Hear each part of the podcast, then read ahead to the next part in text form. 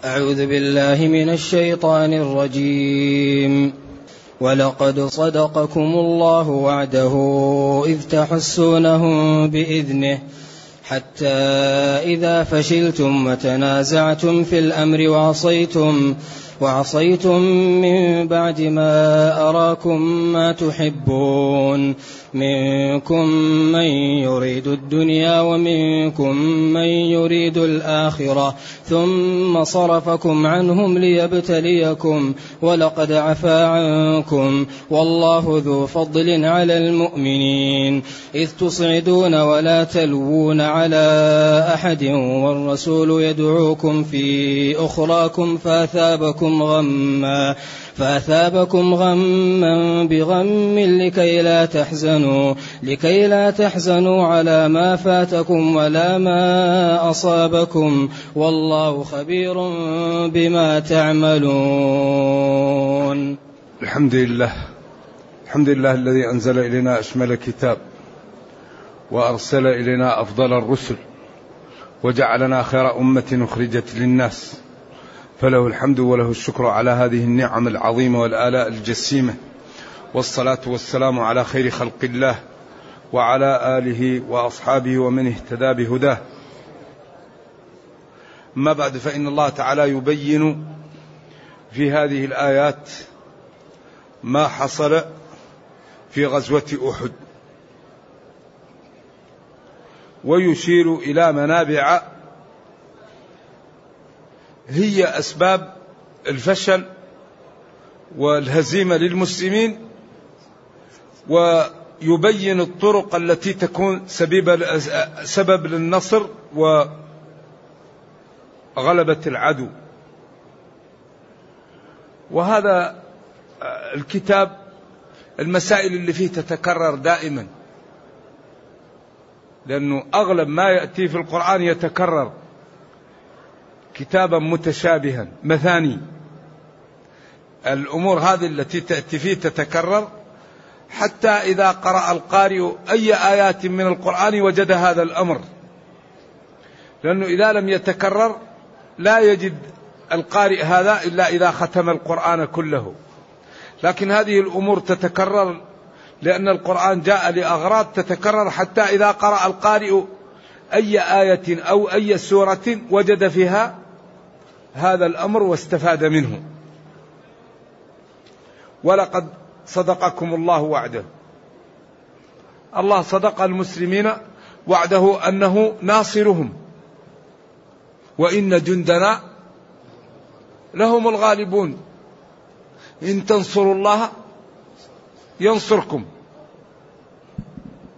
اذا الله صدقهم في وعده لهم. إذ تحسونهم. الحس القتل بشدة وبحس في الأمر إذا إذا إذا إذا قتلهم. تحسونهم بإذنه أي بإرادته وبما كتبه لكم من النصر. لأنكم قمتم بالواجب عليكم وهيأتم نفوسكم على ما أراد منكم نبيكم. فجعل الميمنة واليسر وجعل الرماة على الجبل وقال لهم لا تبرحوا مكانكم ولا ولو رأيتمونا ننهزم. ولو رأيتمونا هزمنا العدو خلكم مكانكم. إذا صدقكم الله وعده في أن النصر لكم. إذ تحسونهم تقتلونهم بإذنه بإرادته وبما كتبه لكم. واستمر ذلك النصر والقتل للأعداء حتى إذا فشلتم. غاية. إذا استمر النصر واستمر القتل بالأعداء إلى أن حصل ماذا؟ الفشل. حتى إذا فشلتم. الفشل هو الضعف. الفشل هو الجبن. الفشل هو المعصية. الفشل هو السير على ما لم يرد من الإنسان. وتنازعتم. قال بعض الرماة لبعض النبي صلى الله عليه وسلم قال لنا لا نبرح. قال بعضهم قصده يعني عند قتال الكفار لنا أما والكفار انهزموا فنحن نشترك معهم في الغنيمة الغنيمة الغنيمة ونزلوا. وتركوا الرماة الذين ثبتوا ورآهم خالد بن الوليد ووجد أن الرماة قلوا فرجع بالخيل وجاء للرماة وكانوا قلة فقتلوا ونزل على جيش المسلمين ووقعت الهزيمة. إذا ولا والله لقد صدقكم الله وعده في أنه ناصركم. وذلك واضح ومشاهد حين تقتلونهم قتلا إذ تحسونهم بإرادته وبما كتبه لكم إن استقمتم على شرعه. حتى إذا جبنتم وخالفتم أمر ربكم وتنازعتم في من يقول ينزل ولا ينزل في الأمر وعصيتم ربكم ونبيكم من بعد ما أراكم ما تحبون وهو النصر. ثم قال منكم من يريد الدنيا. قال ابن مسعود ما كنت أظن أن أحدا من الصحابة يريد الدنيا حتى نزلت هذه الآية. منكم من يريد الدنيا ومنكم من يريد الآخرة. الذين بقوا في أماكنهم يريدون الآخرة والذين نزلوا ليأخذوا المغنم يريدون الدنيا. إذا الإنسان ركب فيه الشهوة والضعف. ولكن باب التوبة مفتوح باب التدارك مفتوح. لا يسلم أحد من الخطأ. لكن المشكلة التمادي على على الخطأ.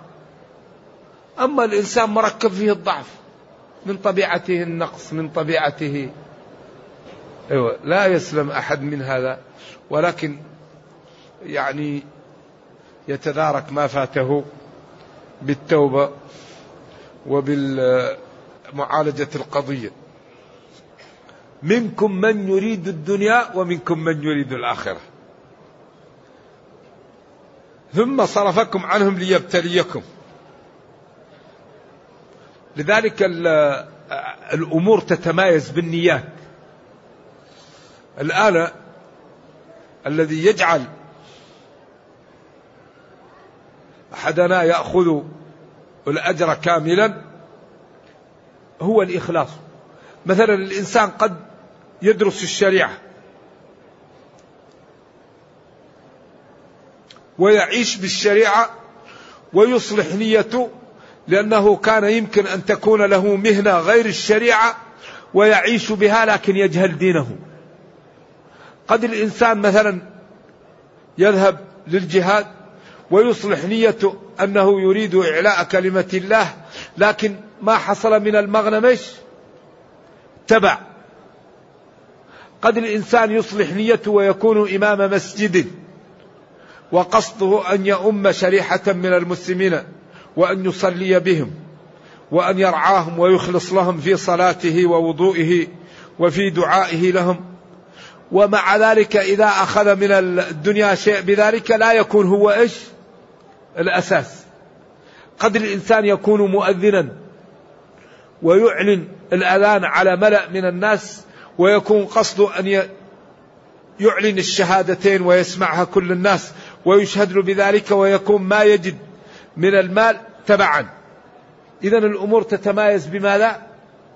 بالنيات. فالإنسان إذا أصلح نيته يكون يجد في أمور الدنيا المنفعة والمال ولكن يكون قصد الآخرة وقصد الحسنات ويكون ما يجد من الأمور الدنيا تبعا ذلك من أحل الحلال هو المغانم المغانم التي يأخذها المسلمون هذا وجعل رزقي تحت إيش؟ ولكن ما ما يقاتل لأجل المغنم لا يقاتل لأجل إيش؟ إعلاء كلمة الله لكن هذه الأمور تأتي إيش؟ تبع. اذا ينبغي للمسلم أن يجاهد النية. فإذا جاهد النية وأصلح الأعمال سواء كان إماما أو مدرسا أو أي عمل يقوم به يكون قصد الإخلاص وإصلاح هذا الذي يقوم به وما يجده من المال تبع. فهذا يكون دائما يأخذ الأجر. أما الذي يعمل لا يريد إلا الدنيا هذا هو المشكل. لذلك من تعلم علما مما يبتغى به وجه الله لا يريد به أيوة إلا عرضا من الدنيا. هذا هو المشكل. ولذلك هذا الذي يجعل الإنسان يستفيد منه أكثر وينتج هو التفقه في الدين. إذا والله لقد صدقكم الله وعده حين تقتلون أعداءكم بإرادته وشرعه. إلى أن خالفتم أمر ربكم وعصيتموه وتنازعتم من بعد ما أراكم النصر الذي تحبونه. ثم بين واقعهم منهم من يريد الدنيا وهو المغنم ومنهم من يريد الآخرة وهو إعلاء كلمة الله والشهادة. ثم صرفكم حولكم عنهم ليبتليكم ليختبركم بذلك ولقد عفا عنكم. والله لقد عفا عنكم. ولذلك قالوا ما لنا يعني شيء بقول الله لنا ولقد عفا عنكم. فلم تستأصلوا. وغفر لكم ما حصل بكم. والله جل وعلا ذو فضل على المؤمنين. نعم الله على المؤمنين كثيرة. يدافع عنهم. ويجعلهم ينتصرون. وإذا غنموا ينالوا يعني الخير في الدنيا. وإذا انهزموا ينالوا الأجر يوم القيامة. إذا المسلم أمره كله خير. الله ذو فضل على المؤمنين. عجبا للمؤمن أمره كله خير. إن أصابته سراء شكر فكان خيرا له. وإن أصابته ضراء صبر فكان خيرا له. وليس ذلك لغير المسلم. إذا الله جل وعلا صاحب فضل ونعمة وطول على المؤمنين بما أنعم الله به عليهم وبما رزقهم به من الاستقامة على الدين وبما ادخر لهم من النعم والفضل وبما دفع عنهم من النقم. ففضل الله على المؤمنين وكان فضل الله عليك عظيما. ومن أكبر أسباب تثبيت هذا الفضل وهذه النعم هو استعمال نعم الله في شكر الله. الشكر. لا يوجد شيء أكثر من تثبيت النعم ولا زيادتها من من الشكر وعدم الكفران. لئن شكرتم فاشكروني أشكركم. إذا الله تعالى نصر المسلمين يوم أحد ولما خالفوا ارتفع النصر وانقلب إلى هزيمة وقال قل هو من عند أنفسكم وقال حتى إذا فشلتم وتنازعتم في الأمر وعصيتم من بعد ما أراكم النصر ما تحبون اختلفتم منكم من يريد الدنيا ومنكم من يريد الآخرة ثم صرف قلوبكم عنهم وشغلكم بجمع الغنائم فرجعوا عليكم وأوقعوا بكم وذلك ليبتليكم لأن الحياة للابتلاء. يعلم من يصبر ويقول هذا بأمورنا ومن تظهر حقيقته لو كان لنا من الأمر شيء ما قتلناها هنا. ولذلك كل إناء بالذي فيه ينضح. الإنسان مهما حاول أن يتخفى فالزمن كفيل بأن يظهر حقيقته. لذلك لا ينجي إلا الصدق. ما فيه. الله لا تخفى عليه خافية وقادر. فالتعامل مع الله لا بد أن يكون بصدق. أما الخلق قد تخدعهم لكن الله لا. أبدا. يعطيك على قدر ما عملت. ولذا لا يقبل إلا الحق. ما يقبل أبدا. لو الواحد يتظاهر ويصلي وهو غير صادق ما يقبلها الله. لو الواحد يتصدق وهو غير صادق لا يقبلها الله. واحد يصلي وهو غير صادق لا يقبلها الله. لكن لو يعمل عمل قليل وهو صادق فيه الله ينميه له ويجده يوم القيامة كثير. نعم. ولذلك قال اتقوا النار ولو لكن تكون صادق فيها. ما هو القضية؟ ما هي الكمية؟ الكمية ليست هي المهمة الكيفية. لذلك الذي يريد أن يتعامل مع ربه يصدق. يصدق. أولا يعرف المواصفات التي تقبل بها العبادة. ما هي العبادة المقبولة؟ الشروط الأركان ويتأمل ويصاحب النية لأن كثيرا منا لا ينتبه لعباداته فلا يصحب النية فيكون الأجر ناقصا أو معدوما. نتيجة لعدم التنبه ب ب ب للنية عند بداية العبادة. ولذلك من فائدة النية أنها تميز العبادة.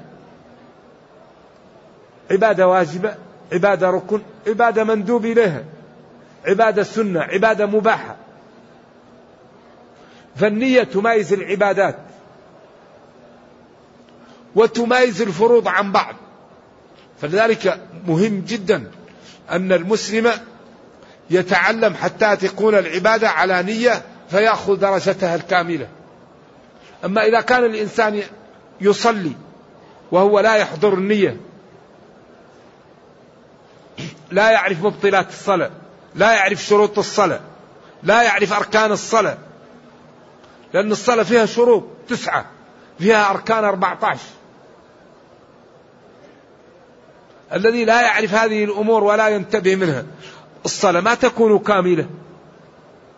إذا لا بد من إعطاء جزء من الوقت لأن يتعلم المسلم فروض عينه. لا بد للمسلم من أن يقتطع جزءا من وقته ليعلم فروض عينه. لا بد حتما. كما أنه يبحث عن الطريقة التي يجد بها قوته يجد قوته وقوت عياله يبحث عن الطريقة التي يتعلم بها فروض العين. وقال العلماء الذي يعيش بين المسلمين لا يسامح في جهل فروض العين. فروض العين من يعيش بين ظهراني المسلمين لا يسامح في جهلها.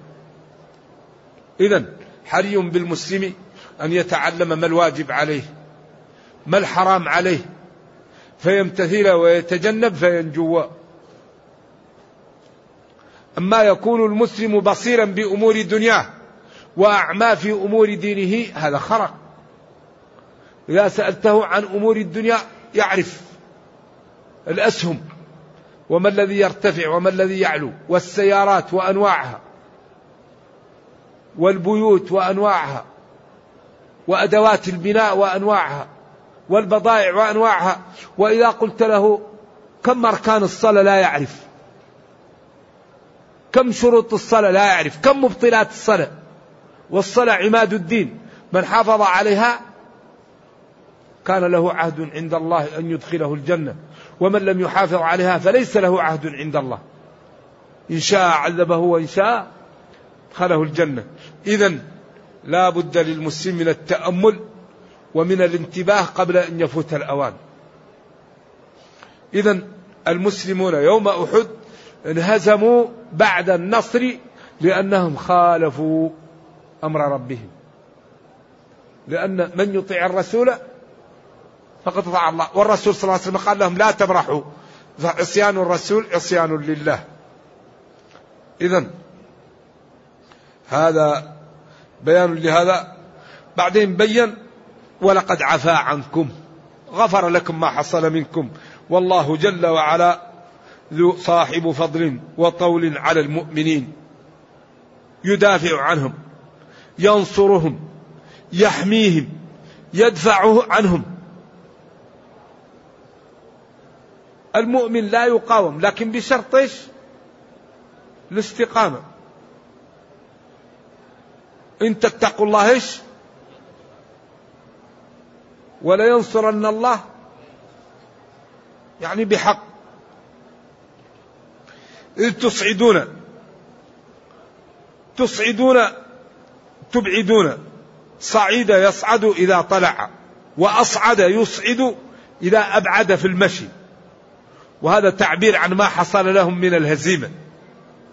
تصعدون ولا تلوون يعني تعطفون أو تلتفتون على أحد. طاح سقط صاح انقذوني. لا. والرسول صلى الله عليه وسلم يدعوكم إلي عباد الله الكر إلي. من كر فله الجنة. والرسول يدعوكم في أخراكم وهذه منقبة. لأن النبي صلى الله عليه وسلم إذا حمي الوطيس أشجع الشجعان من يتقي به. إذا حمي الوطيس رسول الله صلى الله عليه وسلم لا يخاف. هو أشجع الناس. ولذلك هو كسرت رباعيته وشج وتهشم عليه المغفر. وهو إلي عباد الله في آخرهم. إلي عباد الله. من كر فله الجنة. فأثابكم جازاكم. غما.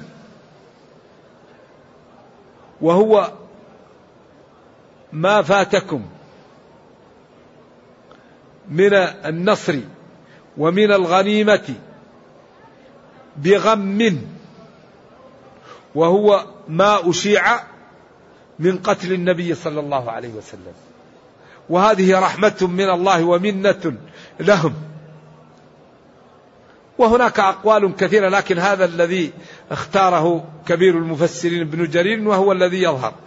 أنه ولذلك مما يعضد هذا القول قوله تعالى لكي لا تحزنوا على ما فاتكم ولا ما أصابكم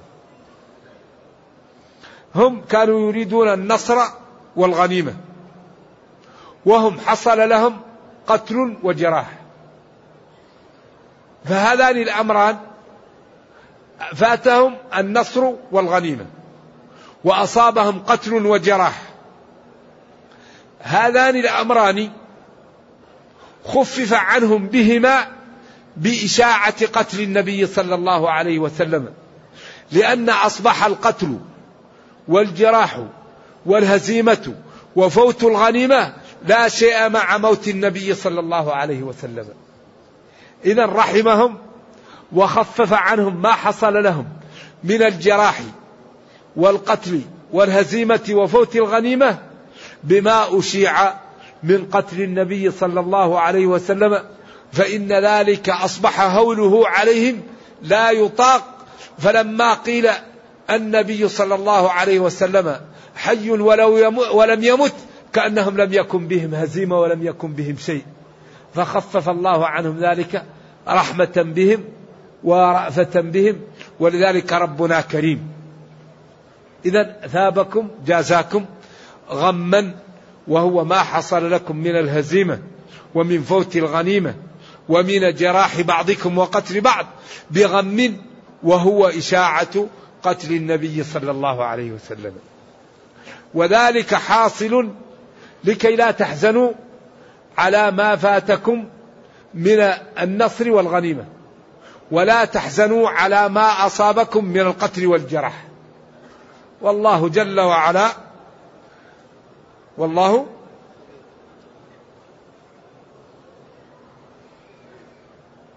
والله خبير بما تعملون. والله جل وعلا خبير بعملكم أو خبير بالذي تعملونه.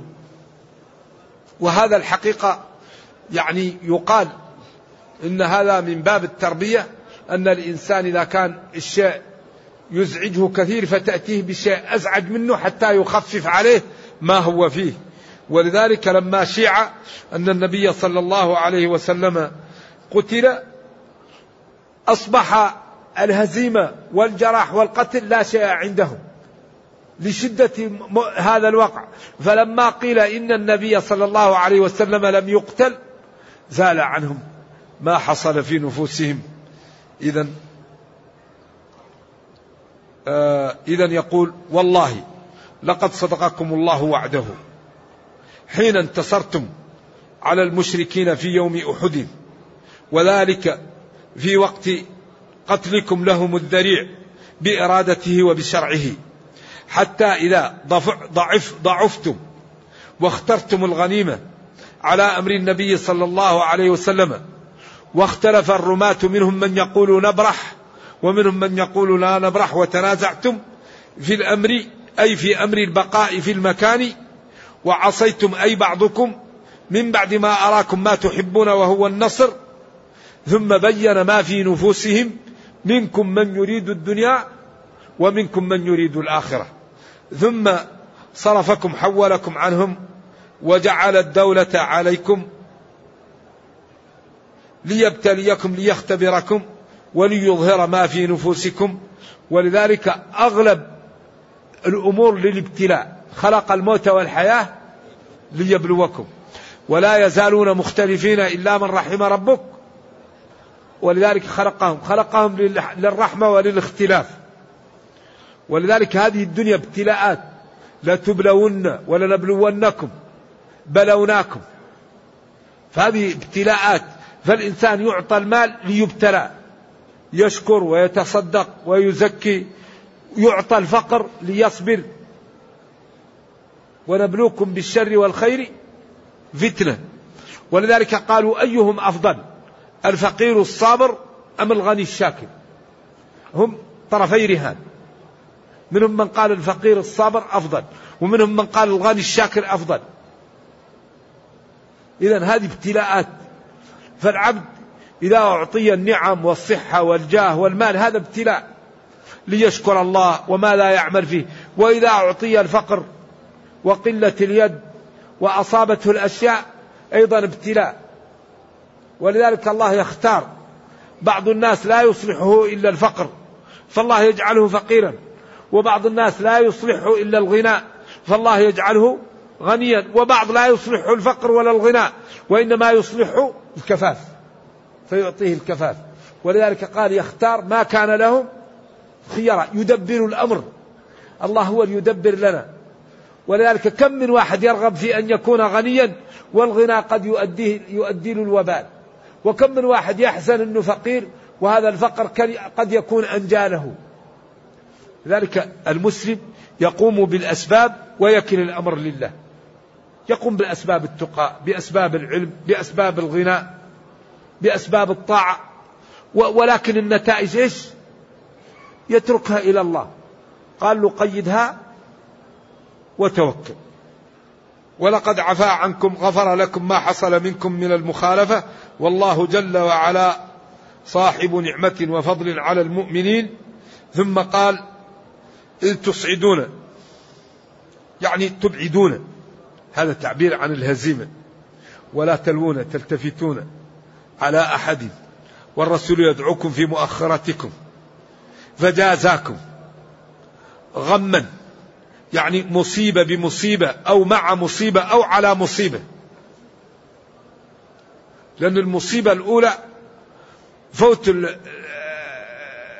الغنيمة وفوت النصر ووقوع الجراح والقتل. والمصيبة الثانية إشاعة قتل النبي صلى الله عليه وسلم. إذا جازاكم بالأولى الثانية وقال لتخف عنكم الأولى. لكي لا تحزنوا على ما فاتكم. ولا ما أصابكم. والله جل وعلا خبير بالذي تعملونه أو بعملكم. ونرجو الله جل وعلا أن يرينا الحق حقا ويرزقنا اتباعه وأن يرينا الباطل باطلا ويرزقنا اجتنابه وأن لا يجعل الأمر ملتبسا علينا فنضل. اللهم أصلح لنا ديننا الذي هو عصمة أمرنا وأصلح لنا دنيانا التي فيها معاشنا. وأصلح لنا آخرتنا التي إليها معادنا. واجعل الحياة زيادة لنا في كل خير والموت راحة لنا من كل شر. ربنا أتنا في الدنيا حسنة وفي الآخرة حسنة وقنا عذاب النار. سبحان ربك رب العزة عما يصفون وسلام على المرسلين والحمد لله رب العالمين. وصلى الله وسلم وبارك على نبينا محمد وعلى آله وصحبه. والسلام عليكم ورحمة الله وبركاته.